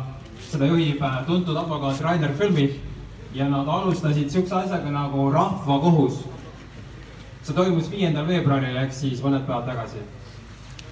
meie rahvusvaheliste juristide ja kohtunike rühm teatame käesolevaga, et viime Ameerika Ühendriikide eeskujul läbi vandekohtu kriminaaluurimise menetluse selle näidiskohtumenetluse käigus esitame vandekohtule, mis koosneb, pange tähele, maailma kodanikest. kõik olemasolevad tõendid Covid-19 inimsusevastaste kuritegude juhtide, korraldajate, õhutajate ja kaasosaliste vastu, kes aitasid kaasa, õhutasid või osalesid aktiivselt selle pandeemia ühise plaani elluviimisel uuritavad kuriteod hõlmavad kõiki tegusid, mille isik on sooritanud või jätnud tegemata inimsusevastaste kuritegude ühise plaani elluviimisel üle maailma. see uurimine on loodud inimeste poolt ja inimeste jaoks ning seda nimetatakse avaliku arvamuse rahvakohtuks ehk siis People's Court of Public Opinion. kuna meil ei õnnestunud leida päris kohut mis nõustunuks kuulata tegelikke tõendeid praeguse süsteemi kohtutes, teostama selle menetluse väljaspool praegust süsteemi, mis omakorda põhineb kindlal veendumusel, et iga inimene suudab kergesti eristada hea ja kurja ning õige ja vale vahel. Inglise keeles natural law. väide on, et maailma valitsused on sattunud korrumpeerunud ja kuritegelike võimustruktuuride kontrolli mõju alla. üheskoos tegid nad kokku mängu ja lavastasid pandeemia, mida nad olid aastaid planeerinud. sel eesmärgil lõid nad sihiliku massipaanika valede faktiväidete ja läbi sotsiaalselt kujundatud psühholoogilise operatsiooni, mille sõnumeid nad massimeedia kaudu edastasid. selle massi selle massipaanika eesmärk oli veenda elanikkonda nõustuma niinimetatud vaktsineerimisega, mis on tagantjärgi osutunud mitte ainult ebatõhusaks, vaid äärmiselt ohtlikuks ja isegi surmavaks. Nende inimsusevastaste kuritegudega on maailma rahvastikule tekitatud majanduslik, sotsiaalne ja tervisekahju, mida saab mõõta ka kvadriljonites dollarites. kes siis ei tea, kvadriljon on tuhat triljonit kõrgelt tunnustatud advokaadid, teadlased ja eksperdid üle maailma viivad üheskoos Portugalist pärit kohtuniku egiidi all läbi suure vandu, vandekohtumenetluse ja annavad seeläbi kohtunikele ehk maailma kodanikele täieliku ülevaate nendest inimsusevastastest kuritegudest. rahvakohtu avaliku arvamuse uurimisel on kaks eesmärki. ühelt poolt luua näidismenetlus ja koguda süüdistusi nende vastu, kes on kriminaalselt ja tsiviilselt vastutavad isikud nendes inimsusevastastes kuritegudes. ja teisest küljest on see täie, täieliku pildi loomine sellest, millega me silmitsi seisame, sealhulgas teadlikkuse tõstmisest. praeguse kaaperdatud süsteemi ja selle institutsioonide faktiline kokkuvarisemine ning sellest tingitud tagajärg. esiteks, vajadus, et inimesed võtaksid tagasi oma suveräänsuse teiseks, vajadus peatada esmalt need pandeemia meetmed, keeldudes nõuete täitmisest. kolmas, käivitada oma uus tervishoiu ja haridussüsteem, uus majanduse ja kohtusüsteem et demokraatia ja õigusriigi põhimõtte alusel meie põhiseadused taastataks. rahvaste avaliku arvamuse kohus töötab sõltumatult mis tahes valitsusest ja valitsusvälistest mõjuorganis-, mõjuorganisatsioonidest. logistilist tuge pakub Berliini koroona uurimiskomitee sellele on alla kirjutanud kümmekond rahvusvahelist vandeadvokaati pluss kohtunik ning inimõiguste kaitsjad ja õigusaktivistid. kokku toimub sellele esimesele siis nagu pöördumisele veel viis kokkusaamist. kaheteistkümnendal veebruaril võetakse teemaks kõige selle üldine ajaloo, ajalooline ja geopoliitiline taust.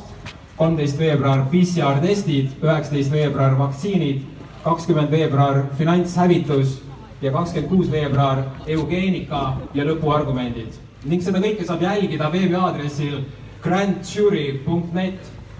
teeme Telegramis sellest ka kokkuvõtliku ülevaate ning ma arvan, et midagi sarnast nii-öelda rahvakohust peaksime looma ka siinsamas Eestis, sest et äh, ma kahtlustan väga, et mõni kohus on nõus seda teemat üldse nagu sisse võtma. aitäh teile!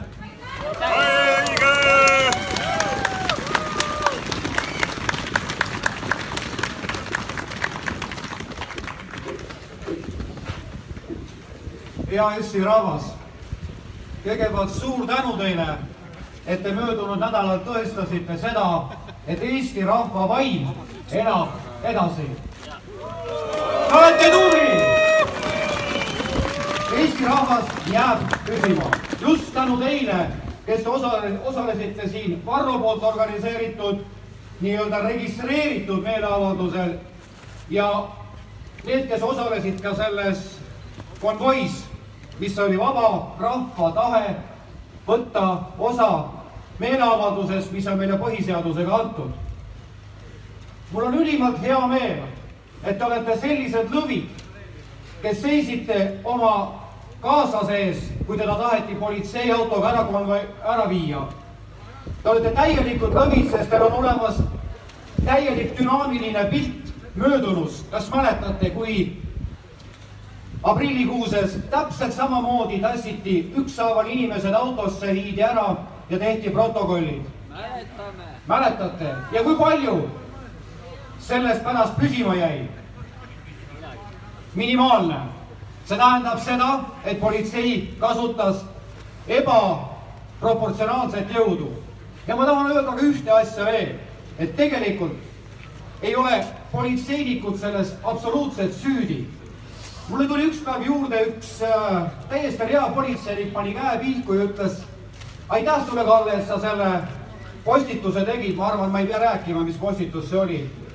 ütles niimoodi, et tegelikult meeleolud selles jõustruktuuris on hoopis teistsugused, aga kahjuks on neil kord, et nad ei suuda ja ei tohi kritiseerida oma juhtkonna tegevust.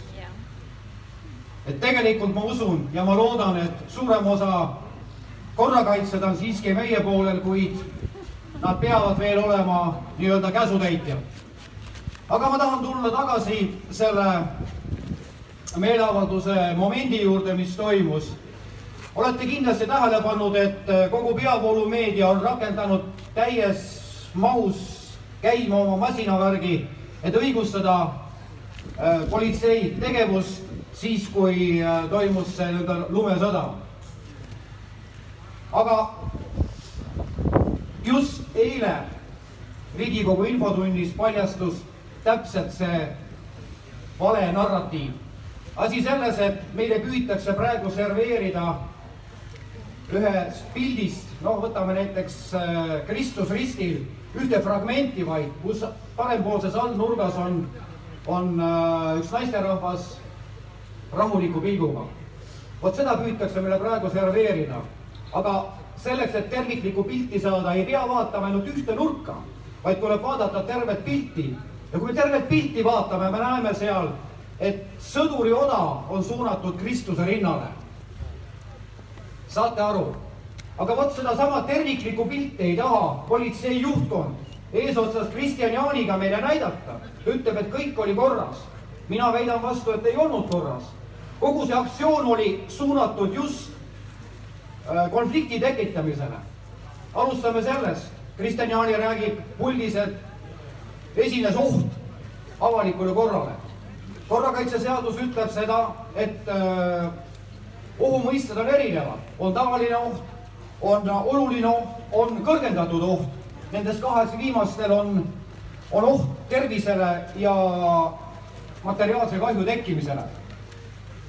mina küll ei näinud seda, et seda oleks olnud ja ma ei oleks suutnud aru saada ka, miks seda tehti. kõige lihtsam vahend oleks sulgeda ainult liikluseks, nii nagu seadus nõuab, liiklusmärkidega sissepääs sinna, ülesse siia Toompeale. Ja oleks suunatud need autod nii-öelda ringiratast sealt sõitma, seda ei tehtud. eirati kehtivat korda ja teed suleti politseiautodega. teine probleem on see, et äh, juhtkonna poolt oli täielik koordineerimatus äh, antud olukorra tekkimisel. mitte kuidagi ei ole põhjendatud see asjaolu, et seda inimest, kes seal politseiautosse pandi, oleks pidanud ära viima, sest taheti korrata täpselt sama stsenaariumit, nii nagu oli kevadel. seesama inimene, oletame, et ta rikkus mingisugust äh, normi, oleks väärteomenetluse korras pidanud sealsamas koht teostama tema suhtes äh, menetlustoimingud, võtma seletused, koostama väärteoprotokoll. absoluutselt ei olnud mingit vajadust seda ära, ära viima hakata. ja aga ju siis neil oli juhtidel see plaanis, eskaleerida olukord, tuua välja kiirreageerijad, hambuni relvastatud, koos automaadipagasinidega ballistilistel äh, rinnakaitsetel, automaadid äh, kuskil äh, kaubikus ootamas, koerad, see ei ole proportsionaalne tegevus selle ohuga. rahvas ju läks ära, rahvas läks ära. Ja nüüd ma tahan öelda ühte asja et tegelikult on sotsiaalmeedia hakanud pingsalt likvideerima neid videosid, mis on siin äh, levinud selle kohta, mismoodi äh, reapolitseinikud kasutasid jõudu.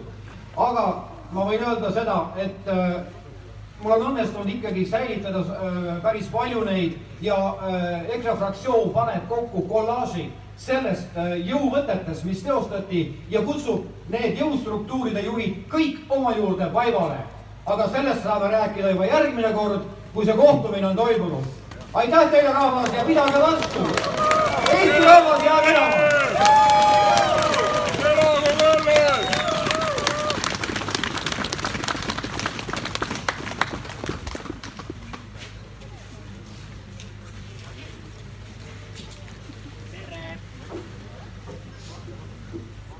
armsad inimesed, kes te olete täna võtnud vaevaks siia tulla, keset tööpäeva, leidnud selle vaba hetke, et olla meiega kõigiga koos ja tunda seda jõudu, mis meid ühendab. ma olen täna siin teie ees sügavas leinas. olen oma perekonnaliikme kaotuse pärast eile, eile öösel lahkus minu, minu terve ja tugev sportlik, elujõus viiekümne aastane, täis elujõus mees oma kodudiivanil une ajal, teadmata põhjusel, terve inimene, aga ta oli vaktsiine teinud. Ta oli kõik teinud, mis Eesti meditsiin on käskinud. ta oli tubli kodanik, ta käis uuringutel iga aasta perearsti juures, ta oli täiesti terveks tunnistanud, ta ei tarvitanud ühtegi tabletti, ta käis laupäeval suusatamas kümme kilomeetrit, ta lükkas lund. Ja ta jäi äkksurmaga oma kodudiivanile, jättes maha pere, kodu. Kõik selle, mis ta on terve oma elu jooksul üles ehitanud ja jättes maha oma kaheksakümne kaheksa aastase isa, kes peab oma poega matma. ma olen sellepärast siin, et ma tahan teile öelda, kui te suudate veel päästa mõne oma pereliikme, kes ei ole seda õudset eksperimentaalainet enda sisse lasknud süstida, siis tuletage meelde neid kommentaare, neid lugusid, mis on internet on täis, terve lehekülg on täis midagi väga palju niisugust, mis on varjul, mis on peidus. toitnud, jootnud, talle mineraale ja vitamiine andnud. meie keha saab jagu nendest. Nad ütlevad, et geneetika, ei ole geneetikat, võib ka vaigistada ja muuta ja rahulikuna hoida. aga kui me teeme neid, tahame minna nüüd laste kallale, et see nagu päästaks maailma, see on vale, jumala eest hoidke oma lapsed sellest vaktsiinist eemale. Täna me näeme inimesi iga päev tervishoiusüsteemis, kes on juba kaks korda koroonat põdenud ja mitmeid vaktsiine saanud ja nad ikka põevad. ja nemad on need, kes kannavad seda viirust edasi. ka teadus juba ütleb, et see vaktsineeritud inimene on põhjuseks, et viirus muteerub. viirus ei muteeru siin lava peal ega kuskil lumehanges ega kodulaua peal, vaid viirus on elutu organism, kes peab pääsema rakku sisse, sinu elusasse rakku, tarvitama sinu DNA-d ja siis ta saab paljuneda tema ainukene eesmärk on kopeeruda ja paljuneda. ja inimese rakk on see, kes laseb ta sisse, kui ta on nõrgestatud. kui su immuunsus on korras, sa oled terve inimene, ära karda.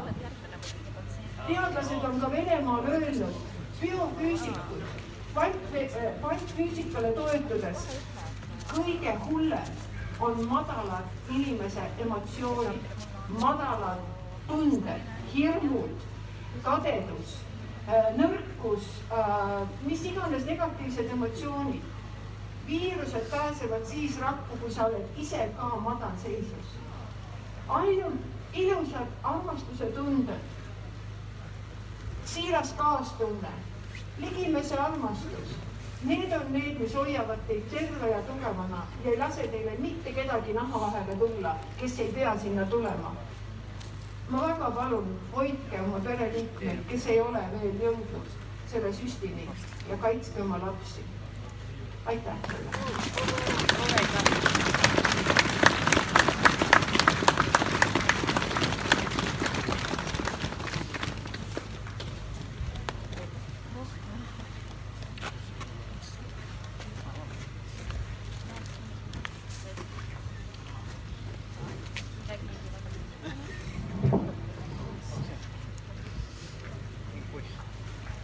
Nii, tervist, minu kaastunne muidu kellele.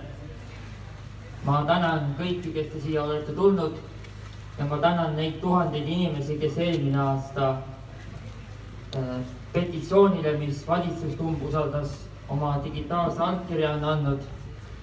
et teeme natukene Riigikogu, Riigikogul seda elu ikkagi e-, ebamugavaks. ja mina olen Kenno Põldsam, EKRE maailmavaate jagaja juba algusest peale. ja ma olen jälginud seda poliitilist ühiskonnaelu, noh, terve oma lühikese elu.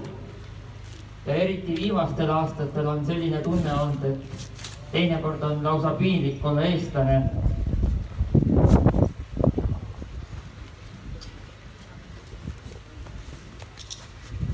ja ma tean seda, et näiteks viimased kaheksasada, äh, kaheksasaja aasta jooksul on Eestit valitsenud neliteist poliitilist võimu. ja selle aja jooksul on välja kujunenud üks äh, kurb nähtus, milleks on äh, orjameelsus. ma arvan, et te kõik olete minuga nõus. et see on eestlane, kes oma ismiku alati seab sinna, kus on äh, võim ja raha. sajandil oli selleks mõis. pärast likvideeriti vabadussõjalased ja Eesti Vabariik. kui Nõukogude aeg lõppes, siis läks väga üürike aeg, kui needsamad orjameelsed inimesed võtsid omale uueks usuks Euroopa Liidu. ja, ja Euroopa Liidu ametlikuks usuks on nüüd siis multikulti ja homondus ja vahendiks on diktatuur. ja see vaktsiin ja mask ei ole mitte midagi muud kui selle religiooni sakramendid. aga meie pakume Kaja Kallasele meeleparandussakramenti. me, me soovime, et ta parandaks meelt aga enne tuleks tagasi astuda. En-, enne andeks ei saa, kui on tagasi astutud. see on meiepoolne meeleparandussakrament, kas te olete nõus? Kaja Kallas, astu tagasi, paranda meelt. paranda meelt, Kaja Kallas. paranda meelt, astu tagasi. käed eemale riigivõimust ja aitäh korraldajatele.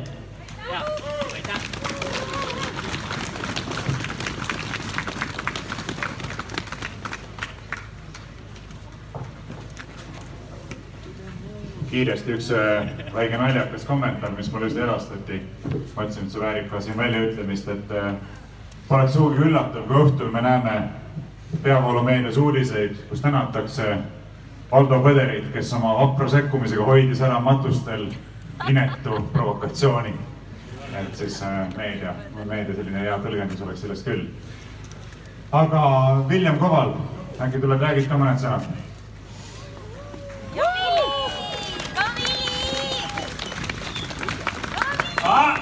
tere rahvas!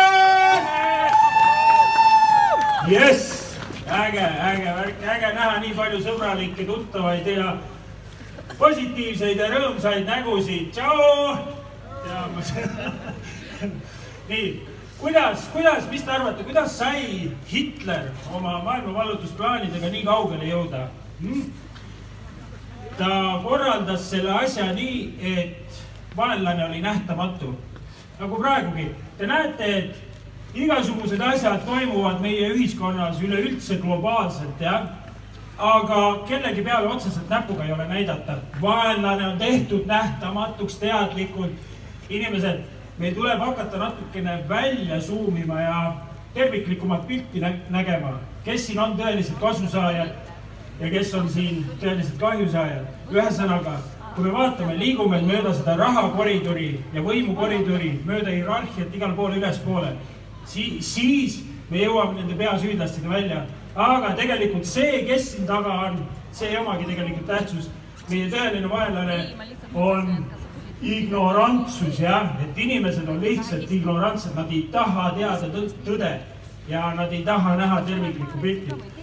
ma eile, eile ühes saates rääkisin nii-öelda, kui te võtate inimese jah, kes on sipelgateadlane, ta on nagu, ta on nagu, ta teab sipelgatest kõike reaalselt, ta teab, ta teab, mida sipelgad söövad, kuidas nad paarituvad, millal nad paarituvad, kui palju nad kanda jõuavad, kui kaua nad elavad, nad teavad sipelgatest kõike, nii.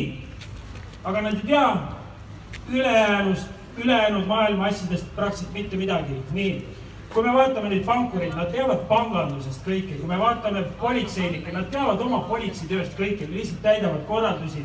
kui me vaatame ajaloolisi, ajaloolasi, nad teavad ajaloost kõike, kõik need on sipelgateadlased, kõik, kes arvavad, et nad on marutargad ja neil on kõik nii-öelda läbi hammustatud, nad saavad kogu ümbritsevast keskkonnast täpselt aru, aga ei, enamus inimestel puudub võime nii-öelda välja suumida ja terviklikumat pilti näha. sellepärast me ei saa ka reapolitseinikele öelda, et miks te nii teete, miks te nii teete, kuna nad ei näe terviklikumat pilti lihtsalt, nad ei näe seda suuremat pilti, mis siin tegelikult käimas on. ja praegu on siis käimas selline asi, nagu ka eelkõneleja siin ütles, et süsteem soovib teha endast jumala, kelles ei tohi kahelda.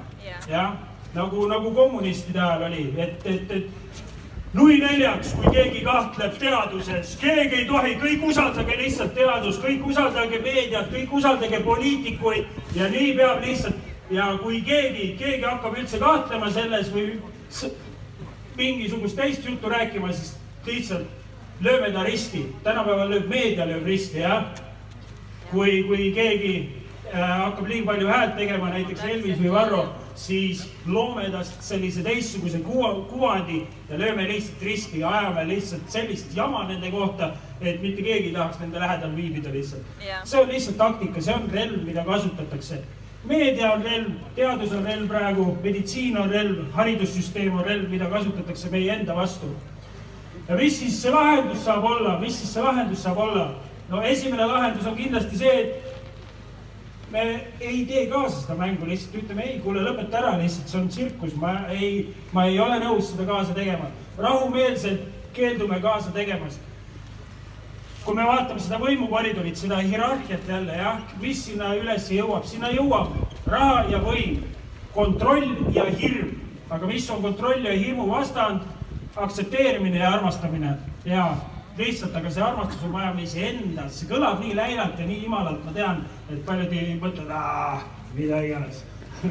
Aga tegelikult on, me ei saa maailma muuta, kui me ei muuda alguses iseennast ja enda suhtumist. Ja ma tean, et seda nii-öelda ebaõiglust ja ignorantsust ja ütleme ausalt, debiilsust on praegu meie ümber nii palju, et, et jah, päris keeruline on endal normaalse mõistuse juurde jääda, aga teades Eesti rahva südant, tuhhi, millised me tegelikult sisimas, sisimas oleme ja mis meist tegelikult peidus on, siis ma ütlen, ma olen vastasele, et kuule, hoia alt lihtsalt, hoia alt.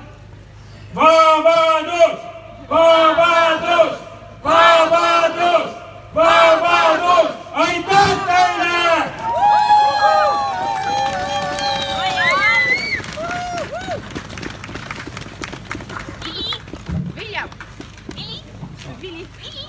Hallo, tere, minu nimi on Jaan Otto ja olen rahvusliku teataja toimetaja, ma jagasin teile just äsja siin lehte. aitäh teile. ma tahaksin öelda suured tänud tänase ürituse korraldajatele, kes on jaksanud iga neljapäeval neid üritusi korraldada siin. ja suured tänud teile kõigile, kes te jaksasite täna siia tulla, olite siin eelmisel neljapäeval ja võib-olla üle-eelmisel ja mõni võib-olla igal neljapäeval. suur aitäh teile, sest see on väga tänuväärt, mis te teete, sest äh, nagu siin on juba räägitud, on äh, selle ürituse taga ei ole mitte ainult vaktsiinipass või piirangud, vaid siin selle ürituse taga on palju tõsisem asi, eks. no mina kutsun seda üleilmseks äh, satanistlikuks orjariigiks muidugi oma lehes.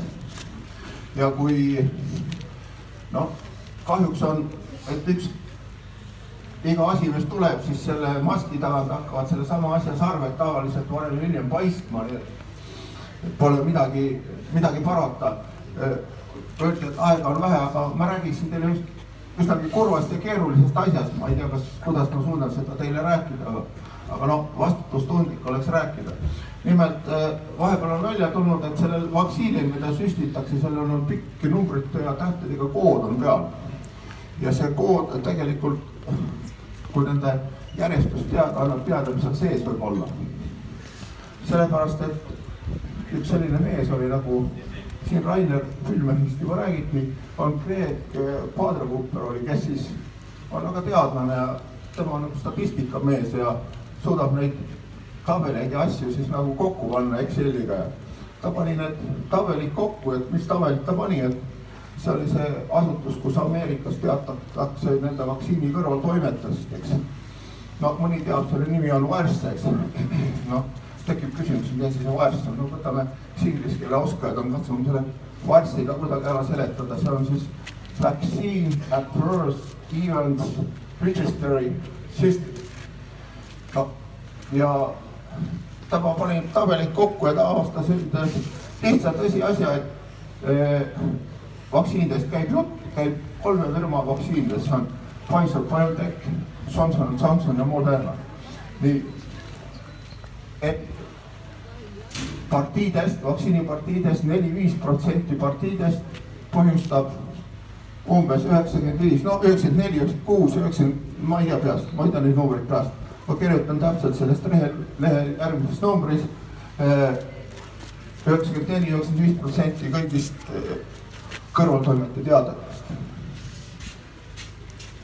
et noh, sihuke asi ei saa kunagi olla juhuslik, tähendab, et sellel parteil on mingi muu aine sees, mis on mürgiline. sees on mürk on sees, mis partiis. ja see partii lõpeb alati koodiga N kakskümmend, ühesõnaga.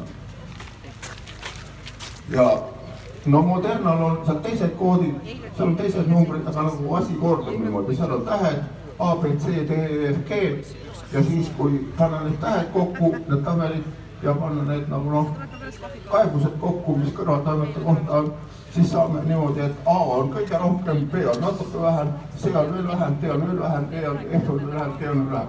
ühesõnaga on graafik langenud, no sihuke asi ei ole mitte kunagi juhuslik, ühesõnaga, et sinna vaktsiini sisse on tahtlikult pandud mingid mürkainet. no see, see ei ole nagu noh, üldse meeldib kuulata, eks inimesed iseenesest vaktsineerinud muidugi. Muidugi Moderna puhul on need KLMN on veel kõige mürgisemad. kui seal koodis on need tähed sees. no ma kirjutan lehes on päris täpselt sellest koodist ja järgmisest numbrist tuleb nendest no äh, seda on nagu siin raske seletada, muidugi Californias oli ühte sellist seeriat süstitud ja siis oli ju süstimise ajal nii palju ohvreid olnud, et kui on selline tavaline seeria, siis on võib-olla kaks-kolm inimest võib-olla heidab hinge, aga kui see mürgine seeria on, siis neid ohvreid olla isegi mitukümmend, eks ühesõnaga. või mitukümmend on registreeritud, aga noh, palju tegelikult on, seda ei, seda nagu noh, ei tea. ja muidugi Soomes on arutatud seda ka teile, et siia, ma ei tea, kui paljud teid siin on ennast vaktsineerinud, mina ei ole ennast vaktsineerinud vähemalt. aga et see vaktsineerimise protsess või korraldus ise on väga kummaline, ühesõnaga. et kõigepealt inimene läheb sinna, ühesõnaga ütleme niimoodi otse välja, et otse matsust, ühesõnaga lambist ei pääse kuidagi löögile. sellepärast, et eh, kõigepealt alati peab eelregistreerima ennast. ja kui isegi niisama minna, siis kõigepealt kontrollitakse, kõigepealt kontrollitakse andmed, siis lastakse, isegi kedagi ei ole, lastakse viisteist, kakskümmend minutit oodata, siis kontrollitakse uuesti andmeid ja siis süstitakse. Ja siis tekib küsimus, et mida nad see viis, kakskümmend, viisteist, kakskümmend minutit seal vahepeal teevad, eks. no inimesed kahtlevad, et nende kohta uuritakse andmeid järgi, kes nad on ja siis selle järgi nad saavad vaktsiini, noh. paha lugu aga aitäh teile, et jaksasite kuulata. aitäh kõigile, kes teil tulite. aitäh korraldajatele.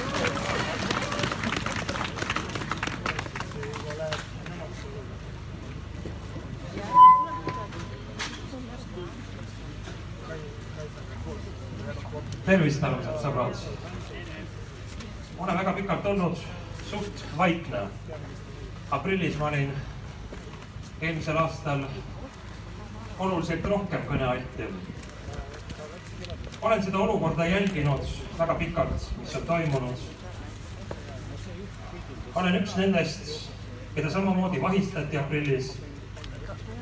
ma vaevu suutsin viis minutit olla sellel meeleavaldusel, kui samamoodi mind pakiti bussi vilkurite saatel viidi jaoskonda kui kurjategijat kellel võeti jalanõud ära, jope võeti ära, püksivöö, kummikinnastega otsiti läbi.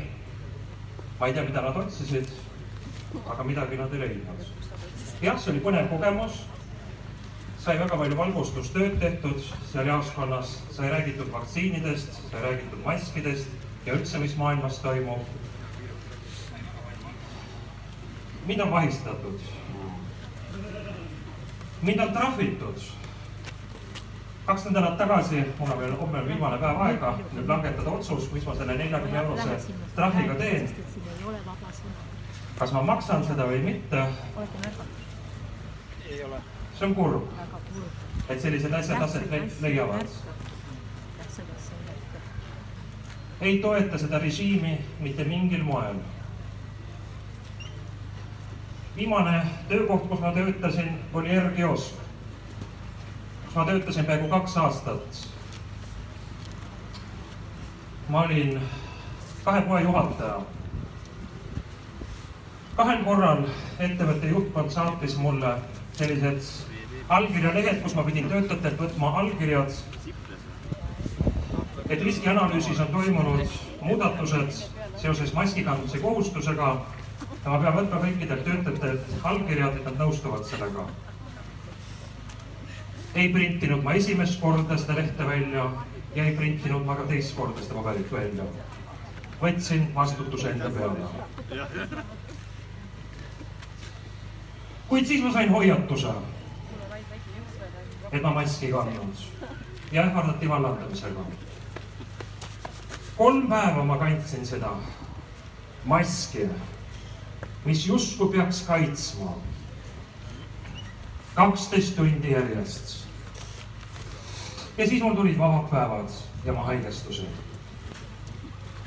loomulikult ma siis ei pöördunud kuskile arsti poole, sest mind oleks ju kohe kuskile testima saadetud ja oleks kohe mulle mingisugune märk külge pandud. oi, te saite Covidi. ei, ma ei saanud mingit Covidit, ma sain mingisuguse bakteriaalse kahjustuse oma kopsudesse. Ei pane iiama seda maski ette, no trahvige mind või vigaseks. no ei pane ma seisan lõpuni oma põhimõtete eest. ma ei ole ükskõikne. ma ei ole vaktsineeritud ja ma ei kavatse iialgi seda solki oma naha vahele süstida. meie seast on väga palju inimesi lahkunud ja mitte vabatahtlikult. Selliseid näiteid, nagu me täna kuulsime Helle suust, neid on ju tegelikult oluliselt rohkem, kui meie Statistikaamet meile seda täna näitab.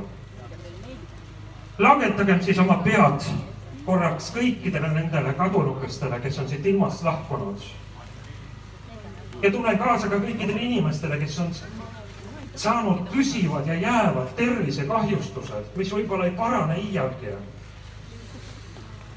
Armsad sõbrad, te ei ole üksinda, me oleme südametes teiega.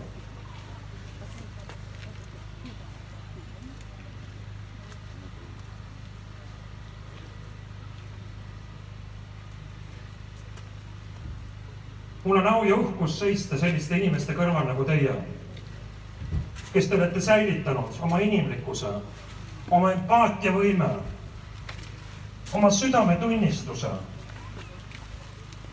Me ei ole ükskõiksed, kui kellelgi on raske. kui kedagi diskrimineeritakse, kui kellelegi tehakse haiget, kui kedagi vahistatakse meie silme all ebaseaduslikult, siis me ei ole ükskõiksed.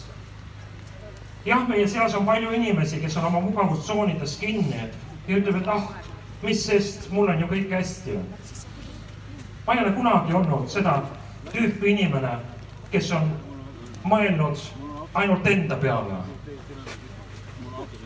terve oma elu ma olen alati seadnud teised esimeseks ja ennast viimaseks. selge see, see, mis maailmas toimub, ei ole heade kavatsustega üles ehitatud. see on kurjus, see on kurjus mis on ründamas inimkonda.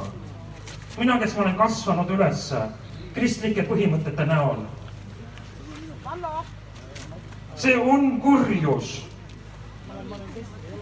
ja meie kohus on põlvili suruda see kurjus. saatan, hoia oma käed eemal Eestist. ja te kurjategijad, kes te olete seotud selle kurjusega ja kummardate ja kardate öelda ei sellele absurdsusele. Kohtutund on tulekul. Te kõik võtate vastutuse. täna te võib-olla arvate, et kõik on hästi ja kõik läheb mööda ja me kõik unustame selle. ei, me ei unusta seda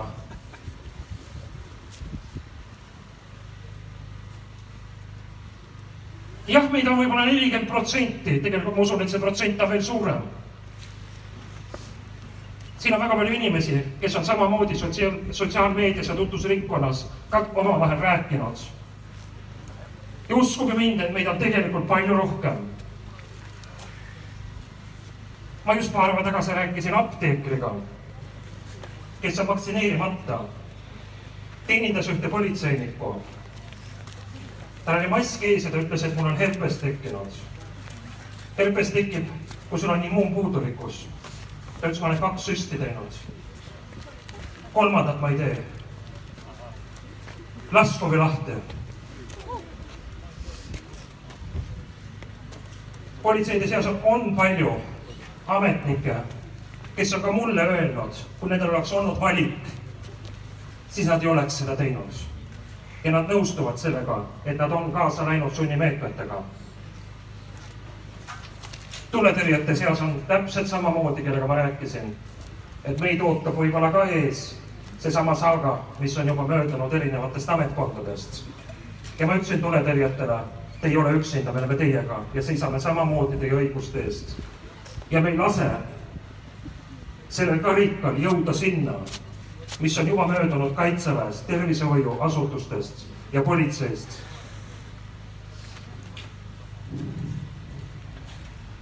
Ma olen kristlike vaadetega inimene, kes on pikka aega palunud meie armsa riigi ja armsa rahva eest. ma mõistan teid, kui te võib-olla ei ole seda meelt, aga sümboolselt ma palun teid et te lihtsalt mõtleksite minuga kaasa, kui ma lõpus teen lõpuvalve. armas isa taevas. Sina näed, mis toimub meil siin Eestis ja kõikjal maailmas. kurjus on näitamas oma nägu. kuid see on tema viimaseid hinge, hingetõmbeid, enne kui tema valitsemisaeg saab maailmas läbi. see on headuse ja kurjuse vaheline võitlus. me teame, et alati hea võidab kurja. Armas isa taevas, hoia meie maad, hoia meie rahvast, anna meile tarkust, anna meile oma vaimuväge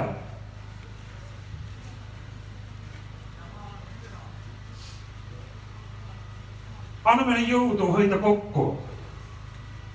sest praegu on see aeg, kus egoismil ei ole ruumi. nüüd on aeg välja sirutada käed üksteisele ja aidata nii, kui see on võimalik, igatüht. igaüks, kes on kuskil pikali kukkunud või kraavis. nii nagu Kristus ulatab oma käed nagu väiksele lapsele, kes õpib alles käima tõuse püsti, mine edasi. ja seda teeme ka meie. ilma, et me vaataksime oma selja taha kõik need kogemused, mida me oleme pidanud läbi elama.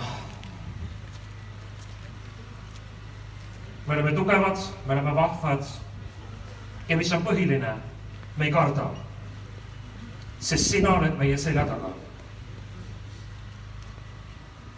tänu sulle, et sa oled hoidnud meid ja teed seda edaspidi. aamen.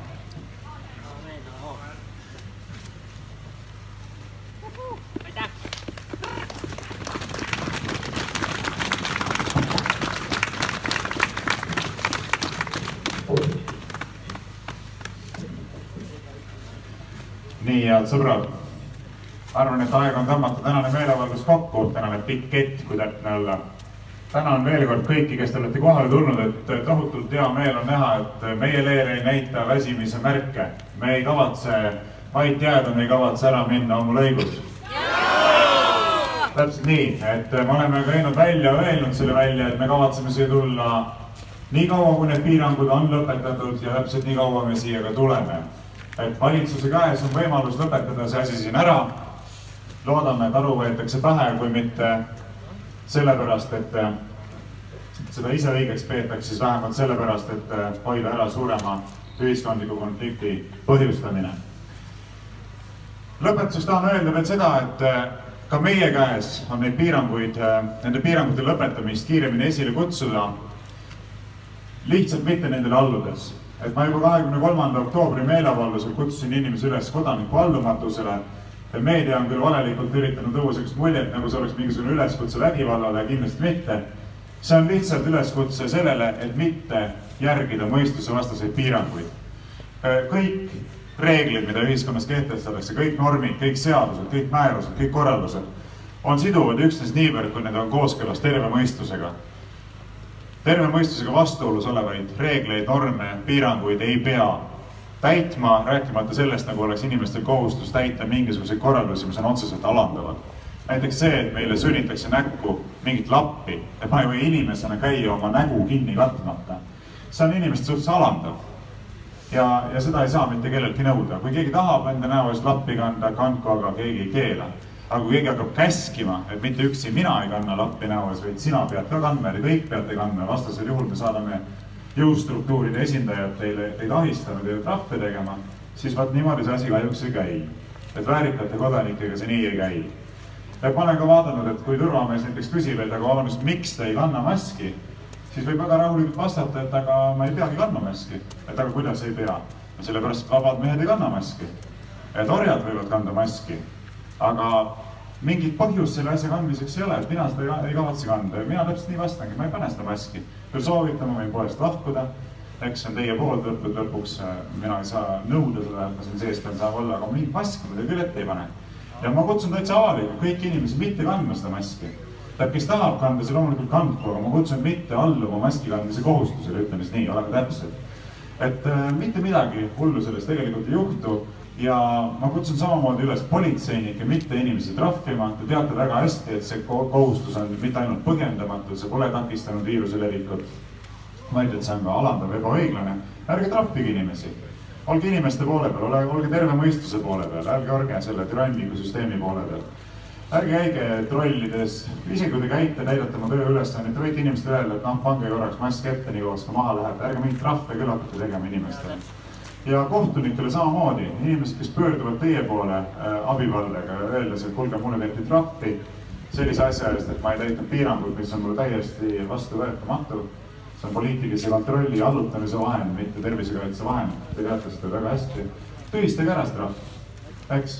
et las kohtunikud ka olla selles olukorras, kus nad peavad peeglisse vaatama ja küsima iseenda käest, kas ma olen süsteemi rõhuja, süsteemi, ütleme, inimese rõhuva süsteemi selline osis või olen ma siiski inimene, kes peab seisma selle eest, et meie ühiskond oleks õigusriik, riikliku õigusriigi põhimõttele rajatud, et siin kehtiks õiglus et las iga, iga kohtunik otsustab selle üle siis ise, et äh, olukorras, kus on näha, et see meede ei ole takistanud üldse viiruse levikut, ei ole sugugi ebatõenäoline, et kohtud hakkavad neid trahve tühistama. Nii et võtkem kokku, et me SAPTK-s ka töötame välja näidiskaebuse, paneme selle avalikult objektiivi välja, kõik saavad seda kaebust võtta, täita selle lüngad ära, esitada ise neid kohtutele, saab hakata ka massiliselt neid kaebusi esitama ja samamoodi üleskutse ettevõtjatele, ärge küsige neid lollakaid vaktsiinipasse, mõelge nüüd korraks, miks te küsite seda passi? Te olete teadlikud sellest statistikast, et see, kas inimesed nakatuvad või ei nakatu, ei sõltu sellest, kas neil on need ained sisse süstitud. aga miks te siis küsite seda? Miks te küsite, miks te keeldute teenindamast inimesi, kellel ei ole teil seda dokumenti ette näidata, kui see on täiesti mõistusevastane, ei pea küsima. et nagu USA armees, eks teatavate inimeste suhtes on rakendatud poliitikat, et don't ask, don't tell et siin võiksime võtta sama hoiaku. Teie ei küsi, meie ei näita, kõik on hästi ja polegi probleemi. Ja jällegi politseinikud, ärge käige, ärge trahvige inimesi, ärge trahvige ettevõtjaid selle eest, et nad järgivad üksteist tervet mõistust ja aitavad valitsusel aru saada sellest, millest nad oleks pidanud juba ammu aru saama. on ju nii? hästi lihtne on see kõik, siin ei ole vaja üldse mingisugust äärmuslikkust, radikaalsust, mitte midagi, kogu see asi on juba naeruväärne, mida kauem seda naeruväärset süsteemi püsti hoitakse, seda naeruväärsemaks muutub seda naeru, naeruväärsemaks inimesed muutuvad ja, ja mina olen ka kindlasti seda meelt, et neid asju ei tohi ära unustada. Ja need inimesed peavad oma tegude eest vastutama. igal juhul suur tänu teile veel kord. lõpetuseks kordame veel kord üle, et meie seas ei ole inimesi, kes läheks kellegi matustele mingisugust meeleavaldust korraldama. kui keegi seda peaks tegema, siis on see pahatahtlik provokatsioon, millel ei ole meiega mingit pistmist häbi, häbi Valdo Põderile, kes selliseid infooperatsioone korraldavad ja suur tänu normaalsetele politseinikele, kes tagavad meie põhiseaduslikku õigust avaldada türanniku valitsuse vastu meelt. aitäh teile! aitäh!